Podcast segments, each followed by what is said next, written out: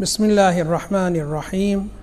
الحمد لله رب العالمين وصلى الله على محمد وآله الطيبين الطاهرين. اللهم صل على محمد وآل محمد. الكلام مواصلة لما تقدم في الإجابة السابقة على السؤال السابق. السؤال كان يقول ما هي السلوكيات الانحرافية المبتلى بها المجتمع هذه الأيام؟ وكيف نستفيد من توجيهات الإمام الحسين في تقويم هذه الانحرافات؟ تكلمنا البارحة حول بعض الانحرافات. الليلة نتكلم في مطلب مرتبط بالتوحيد. نستعرض رواية من روايات الإمام سلام الله عليه وهو يوجهها إلى انحراف كان موجود في زمانه وهذا الانحراف ما زال هو موجود في هذا اليوم. يقول سلام الله عليه أيها الناس اتقوا هؤلاء المارقة الذين يشبهون الله بأنفسهم. يضاهئون قول الذين كفروا من أهل الكتاب بل هو الله ليس كمثله شيء. إلى أن يقول سلام الله عليه ولا تدركه العلماء بألبابها ولا أهل التفكير بتفكيرهم.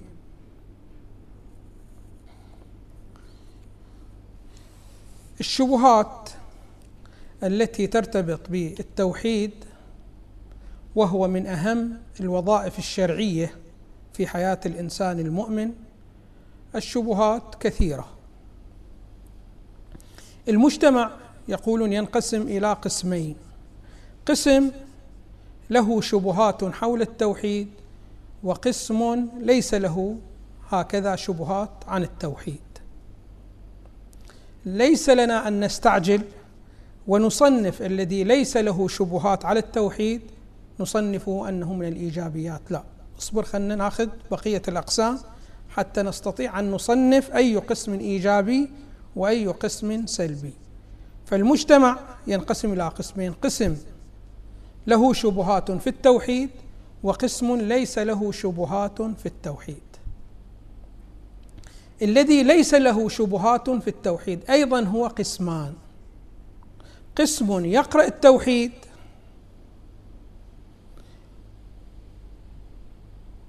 وليس له شبهات يعني يقتنع يتأمل ويفكر وعنده مقدمات تساعده على التفكير في هكذا مجال فما يرى شبهات يعني يقتنع بالتوحيديات. وقسم لا يقرأ التوحيديات من الأساس. فليس له شبهات حول شنو ماذا؟ حول التوحيد. خب بلا إشكال هذا القسم ما يمكن أن نصنفه على شنو ماذا؟ على الإيجابيات.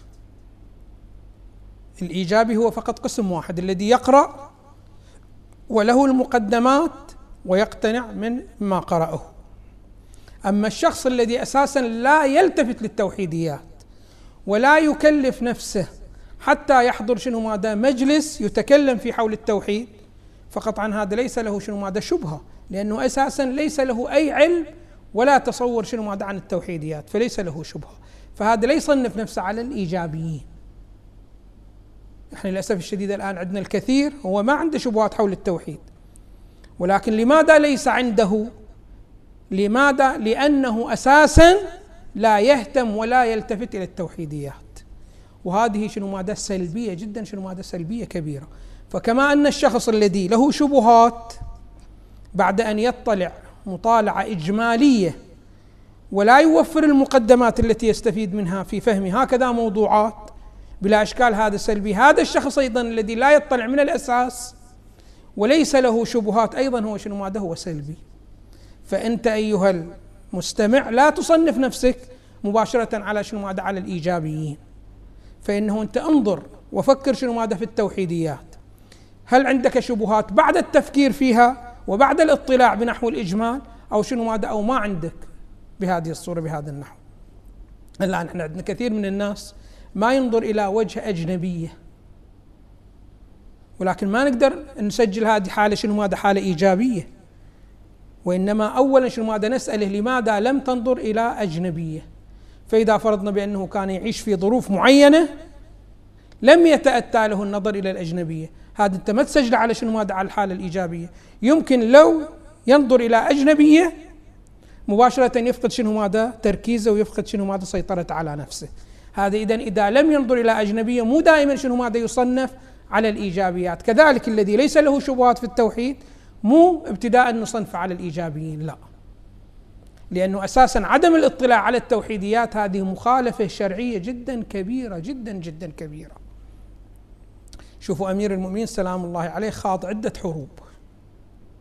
خاض حروب مع النبي صلى الله عليه وآله. وخاض حروب فيما بعد. وكانت أشد حرب خاضها الإمام سلام الله عليه يقال هي حرب الجمل. معركة الجمل. في معركة الجمل جاءه شخص من بعيد من المقاتلين. قال سيدي ومولاي أنا عندي سؤال. مباشرة الجماعة حاولوا شنو ماذا أن يمنعونه عن أمير المؤمنين سلام الله قال ألا أما ترى ما فيه أمير المؤمنين سلام الله عليه من تشتت البال؟ شنو عندك سؤال؟ الآن وقت سؤال. مو وقت سؤال وقت سيف ووقت دماء ووقت رماح وسهام. شنو عندك سؤال؟ الآن مو وقت السؤال. قال لهم دعوه دعوه. ما عندك؟ قال إذا قلنا أن الله يتصف بأنه واحد كيف يتصف بأنه واحد؟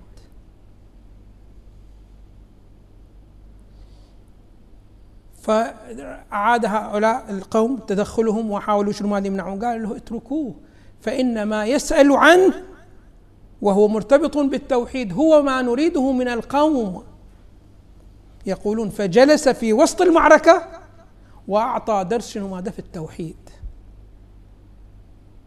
فإذا موضوع التوحيد من الموضوعات شنو ماذا المهمة.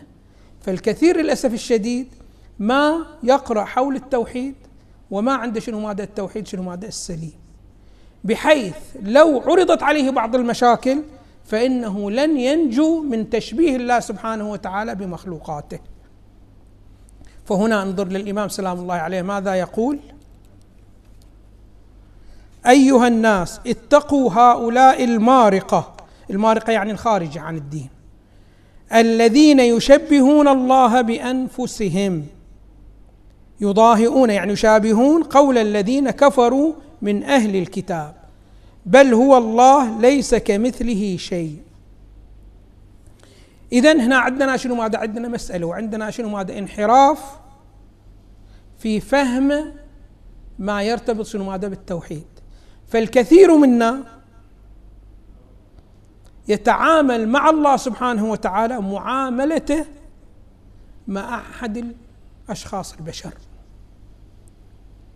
الآن البعض يصرح لفظا ويتعامل مع الله سبحانه وتعالى مع تعامله مع البشر والبعض الآخر ما يصرح بلسانه ولكن سلوكه العملي يقر من خلال سلوكه العملي وسلوكه العملي يشهد عليه بأنه يتعامل مع الله سبحانه وتعالى كتعامله مع المخلوقات. بهي الصورة. فيتعامل مع الله سبحانه وتعالى على أن الله سبحانه وتعالى محدود القدرة. كما أنا محدود القدرة أنت محدود القدرة. كل المخلوقات هي محدودة القدرة يتعامل مع الله سبحانه وتعالى وكهو كما أنه محدود القدرة. يتعامل مع الله سبحانه وتعالى من حيث العلم أن له علم ولكن علمه محدود. وعلمه قابل للتعميق. بل قد يتعامل مع الله سبحانه وتعالى وعلمه يقبل التصحيح. بهي الصورة وبهذا النحو. وهذا شنو؟ هذا الله سبحانه وتعالى ليس بهذا النحو. هاي صفات البشر صفات المخلوقات.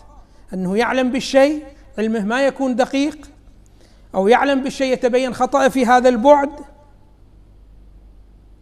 أو يعلم بالشيء يحتاج هذه المعلومة إلى شنو؟ ماذا إلى تصحيح وإلى تعميق. الله سبحانه وتعالى مو بهذا النحو. الله سبحانه وتعالى نحو وجود إذا أردت أيها الإنسان أن تتصور ما هو ارقى منه ما تستطيع أن تتصور وتفرض على مستوى العقل. فالله سبحانه وتعالى مو فقط في الخارج ليس له شريك في صفاته وفي كماله وإنما العقل عاجز أن يفرض مرتبة أرقى شنو ماذا من مرتبته هذا هو الله سبحانه وتعالى. ولكن للأسف الشديد الكثير شنو ماذا؟ ابتلوا بتشبيه الله سبحانه وتعالى بمخلوقاته. وهذه معصية جدا كبيرة. يسأل الإمام سلام الله عليه الصادق سلام الله عليه يسأل عن أعظم الطاعات. ما هو؟ ما هو أعظم الطاعات؟ ما أجاب الإمام سلام الله عليه؟ وقال شنو ماذا؟ بأنه الصلاة. لا. وما قال الصيام. وما قال الحج. وما قال نسب التعزية على الإمام الحسين سلام الله عليه. وهذه الأمور كلها مطلوبة ولكن ليست هي بأعظم الطاعات. يقول الإمام الصادق سلام الله أعظم الطاعات توحيدك ربك. توحيدك الله سبحانه وتعالى.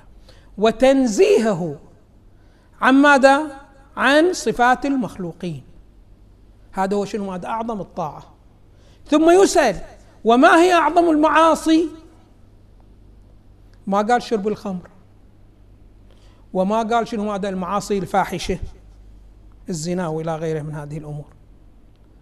وما قال شنو ماذا ظلم الناس؟ وإن كانت كلها هذه محرمات وقبائح إلا أنها ليست بأعظم معصية. ما هي أعظم معصية؟ الإمام الصادق يقول أعظم معصية هي تشبيهك الخالق بمخلوقاته. تعطيه صفات المخلوقات تعطيها شنو؟ هذا لله سبحانه وتعالى. فلاحظوا عندنا شنو ماذا؟ أشد الطاعات وأعظم الطاعات وأشد المعاصي وما هو ولا آخر الشكل. فعلى الإنسان دائما أن ينظر في التفاصيل المرتبطة بالتوحيد حتى ما يبتلي بمرتبة من مراتب الشرك. والشرك له مراتب. يعني شوفوا القرآن يشير إلى معنى جدا شنو؟ معنى دقيق. يخاطب النبي صلى الله عليه وآله. ويقول له وما أكثر الناس وإن حرصت بمؤمنين. فالمؤمنين هم شنو؟ ماذا قلة قليلة في المجتمع. هي مسألة. ثم يقول تعال لهؤلاء المؤمنين الذين هم قلة قليلة في المجتمع. يقول سلام الله عليه يقول القرآن فيه في حقهم. يقول شنو ماذا وما يؤمن أكثرهم هؤلاء القلة القليلة وما يؤمن أكثرهم إلا وهم مشركون. فكثير من الناس يصنفون نفسهم على أهل الإيمان ولكن لهم مرتبة من مراتب شنو ماذا الشرك. ولتعلموا بأنه مقامات القيامة يوم مقامات الجنة يوم القيامة هي مرتبطة شنو ماذا؟ بالتوحيد. فالإنسان الذي يكون له توحيد راقي وحاضر يكون قريب من الله سبحانه وتعالى. ثم شنو ماذا؟ بحسب التوحيد. فإذا قل التوحيد تقل شنو ماذا؟ مرتبته. وإذا عظم توحيده شنو ماذا؟ ارتقت مرتبته. فعلينا شنو ماذا؟ أن نضع لنا ونخصص من وقتنا مقدار لمتابعة التوحيديات. هذا أمر جدا شنو هذا؟ جدا ضروري. إذا كنا نريد أن نكون حسينيين علينا شنو هذا الالتفات شنو هذا إلى هذا الجانب. الآن الإمام سلام الله عليه يبين يقول الناس في فهم المفردات المرتبطة بالتوحيد على ثلاثة أنحاء. قسم معطلة وقسم آخر مشبهة وقسم ثالث محققة. هسه نريد نعرف هذه الأقسام الثلاثة حتى نستطيع أن نصنف أنفسنا أننا من أي طائفة من هذه الطوائف. هل إحنا من المعطلة أو نحن من المشبهة أو نحن من المحققة؟ ثم نبحث أيهما الإيجابية وأيهما السلبية حتى نبرأ من السلبية ونتلبس شنو ماذا؟ بالإيجابية. فالبعض مشبهة هؤلاء قالوا كل وصف تحمله على الإنسان لك أن تحمله على الله سبحانه وتعالى. فالآن مثلا أنا عندما أقول أنت موجود أيها الإنسان أنت موجود. هذا الكرسي موجود هذه الطاولة موجودة. وهذه الوجودات وجودات مادية. والوجود المادي وجود ضعيف متغير ومحدود. فأنت هذا الكرسي تلاحظه الآن. ولكن عندما ترجع قبل مئة سنة هذا الكرسي لم يكن موجود. وبعد مئة سنة أيضا لن يكون موجودا. فوجوده شنو؟ ماذا محدود. وجوده شنو؟ ماذا متغير بهذه الصورة. فقالوا أيضا عندما نقول الله سبحانه وتعالى موجود فنعطيه نفس هذا الوجود الذي نعطيه شنو؟ ماذا إلى الكرسي. فكما أن الكرسي وجود مادي يعطون لله سبحانه وتعالى وجود مادي. وكما أن الكرسي وجود متغير لله سبحانه وتعالى والعياذ بالله وجود متغير. واضح شلون؟ وكما أن الله الكرسي وجوده وجود محدود يقول لك الله سبحانه وتعالى أيضا وجوده وجود محدود. قدرته محدودة علمه محدود وإلى آخره بهذه الصورة وبهذا النحو. هذا شنو؟ ماذا؟ التشبيه فكل صفة موجودة في المخلوقات يعطونها شنو؟ ماذا؟ يعطونها لله سبحانه وتعالى بهذا النحو. هذه يقولون شنو؟ ماذا؟ مشبهة. وهي طائفة منحرفة مئة في المئة. فإن الله سبحانه وتعالى لا يتصف بصفات المخلوقات. هذا شنو ماذا قسم. قسم آخر هي شنو ماذا المعطلة. المعطلة كيف تكون؟ المعطلة قالوا إحنا نحمل بعض الألفاظ نعطيها لله سبحانه وتعالى ولكن ليس لك أن تسألني عن معناها. فإذا قلت لي الله موجود أقول لك إيه نعم الله موجود. تقول لي أخو الله موجود وجود مادي. لو له وجود نحو آخر غير الوجودات المادية. يقول لك مباشرة اسكت ولا تسأل عن هذا السؤال. فإن السؤال عن هكذا شيء بدعة. وبعد تمم بعد وكله بدعة إلى آخره بهي الصورة. فالسؤال أصل السؤال عن هذا الأمر هو شنو ماذا؟ بدعة. ولا يجوز شنو هذا شرعا به الصورة. وإذا سألت مثلا القرآن يثبت الوجه لله سبحانه وتعالى ويثبت اليدين لله سبحانه وتعالى فتسألني ما هو الوجه الذي يثبت لله سبحانه وتعالى؟ هل هو وجه كوجه الإنسان أو له نحو آخر من الوجوه؟ أو اليدان الذي يثبتهما القرآن لله سبحانه وتعالى؟ هل هما نفس يد الإنسان أم شنو ماذا أم يد حيوان آخر أو شنو ماذا شيء آخر وراء هكذا وجودات؟ يقول لك لا تسأل. أصل السؤال هو شنو ماذا بدعة. فعطلوا العقول عن معرفة صفات الله سبحانه وتعالى بهذا النحو. هذا شنو ماذا أيضا شنو ماذا مذهب. وهذا ذهب إليه الكثير من المسلمين. نحن نقول المذهب الأول خاطئ والمذهب الثاني أيضا شنو ماذا؟ خاطئ. خب كيف نتعامل مع الصفات التي لله سبحانه وتعالى نقول؟ الصفة يقولون لها حيثيتان. فتثبت لله سبحانه وتعالى من حيثية ولا تثبت لله سبحانه وتعالى من حيثية أخرى.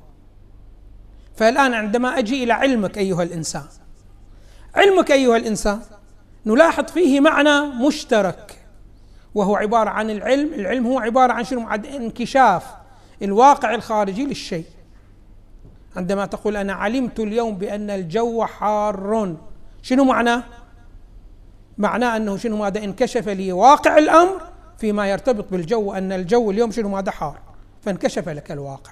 فالعلم مطلقا هو عبارة عن الانكشاف انكشاف الواقع لك في الخارج. هذا هو العلم. ولكن هذا العلم له مراتب. فأنت أيها الإنسان لك مرتبة من العلم. الملك له مرتبة من العلم. الجن له مرتبة من العلم. ثم الإنسان وأفراد الإنسان لهم مرتبة من العلم تختلف. فيقولون مع أنه هاي الاختلاف في المراتب ولكن كلها تشترك في أن العلم هو عبارة عن شنو؟ ماذا عن انكشاف الواقع الخارجي. فأنت عندما تقول الطبيب يعلم والمهندس يعلم. تحملهم عليهما بمعنى واحد فإنه تقول الواقع منكشف للمهندس والواقع منكشف إلى شنو؟ ماذا إلى الطبيب. غاية الأمر هذا الواقع المرتبط باختصاصه وهذا الواقع مرتبط باختصاصه. ولكنه أينما كان فإن العلم معناه شنو؟ ماذا معناه الانكشاف. يقولون هنا العلم عندما نحمل على الله سبحانه وتعالى ونوصف الله سبحانه وتعالى به المراد انكشاف الواقع الخارجي له. هذا هو العلم. ولكن الله سبحانه وتعالى منزه عن خصوصيات المراتب. فإن المخلوقات مهما تقدمت في العلم يبقى العلم شنو ماذا؟ ناقص الموجود شنو ماذا فيها. هذا النقص الواجب تعالى منزه عنه الله سبحانه وتعالى منزه عنه فإذا نعطيه أصل الصفة ولكن نسلب عنه شنو ماذا؟ خصوصيات الصفة التي هي موجودة في المخلوقات. مو أنه شنو ماذا نقول لا ما نفهم شنو المعنى من الصفة. هذا معناه تعطيل. وأمير المؤمنين سلام الله عليه ما زال يصدح ويقول أول الدين معرفته. خب شلون تتعرف على شيء وانت تجهله؟ انت ما تعرف اصل المعنى ما عندك تصور له. فكيف يكون أول الدين معرفته؟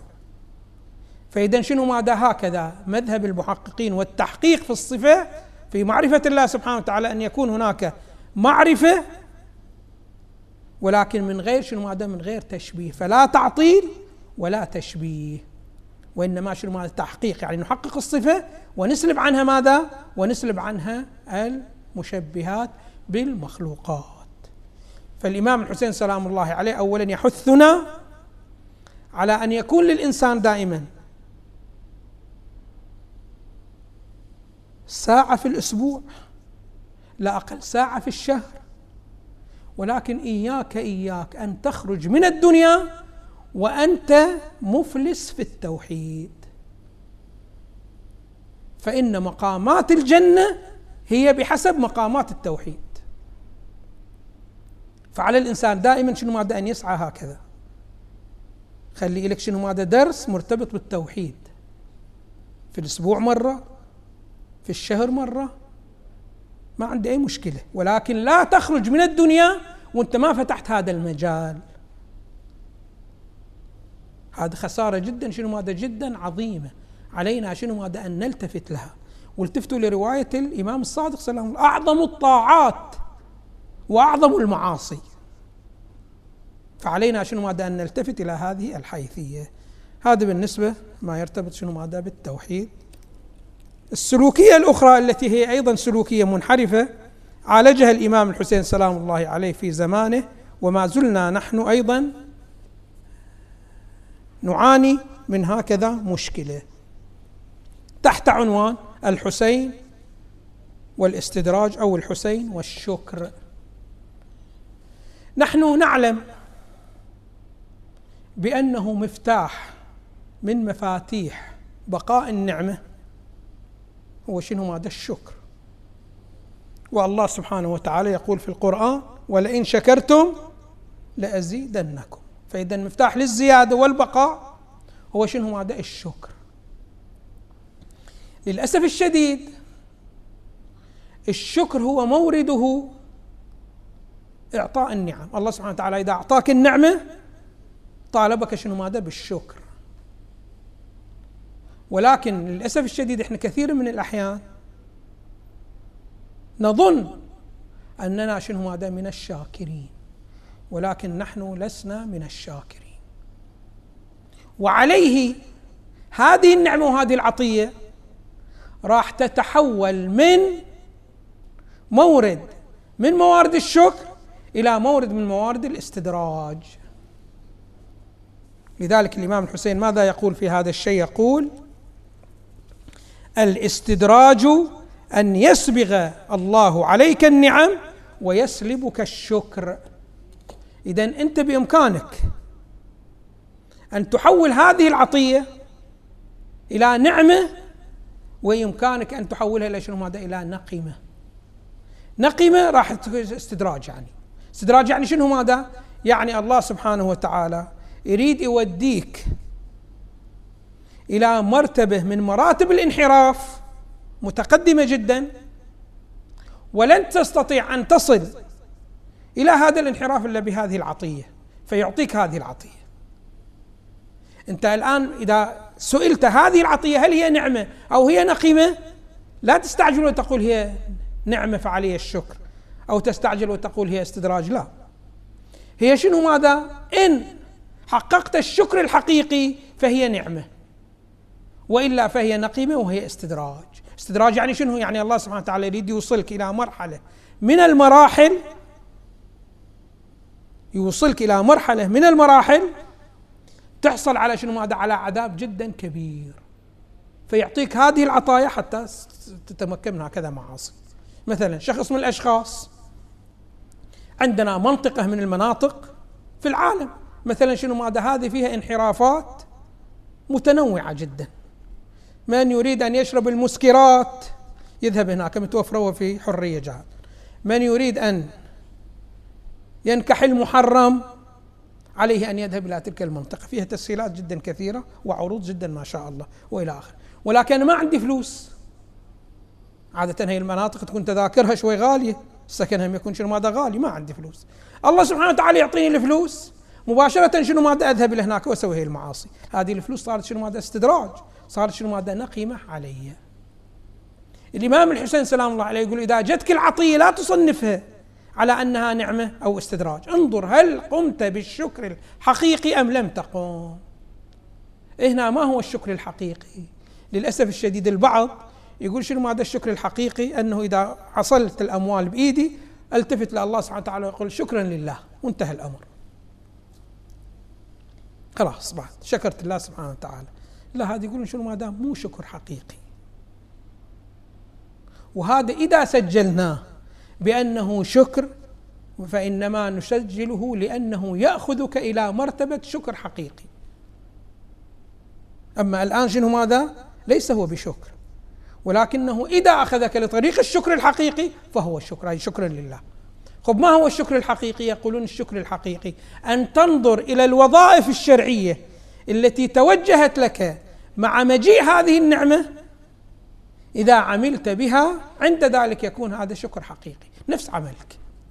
وإذا ما عملت بها إن شاء الله تقعد من الصبح لليل تقول شكرا لله شكرا لله شكرا لله وأنت تعصي الله بها فلست بشاكر. والله سبحانه وتعالى راح يحول هذه النعمة من نعمة إلى شنو؟ ماذا؟ إلى استدراج إلى نقيمة. فمثلا شخص من الأشخاص شخص من الأشخاص الله سبحانه وتعالى أنعم عليه. ما كان متمكن من الذهاب إلى الحج. أنعم عليه. مباشرة يتوجه له تكليف. شنو ماذا؟ اذهب إلى الحج. أو مثلا ما كان شنو ماذا عنده فلوس فمو مخاطب بأنه زكي وخمس. ولكن عندما صارت عنده فلوس صار شنو ماذا؟ مخاطب بالزكاة وبالخمس. فإذا أخرج الزكاة والخمس فعند ذلك يكون شاكر حقيقي والنعمة راح تبقى عنده. وأما إذا شنو ماذا لا؟ كان شنو ماذا يقول؟ شكرا لله. يوميا يمسك السبحة ومئة مرة شكرا لله شكرا لله شكرا لله. ولكن ما يفكر في الذهاب إلى الحج وما يفكر في إخراج الحق الشرعي من الزكاة وغيره فهذا لا يعد نفسه شنو ماذا من الشاكرين. فعلينا أن نلتفت لهذه الأمر. وقلت لكم دائما ابدا إذا سمعنا موعظة لننزل أنفسنا بأنه نحن المخاطبين بالموعظة. مو أنا أريد أحفظ هذه حتى أنقلها إلى شخص آخر.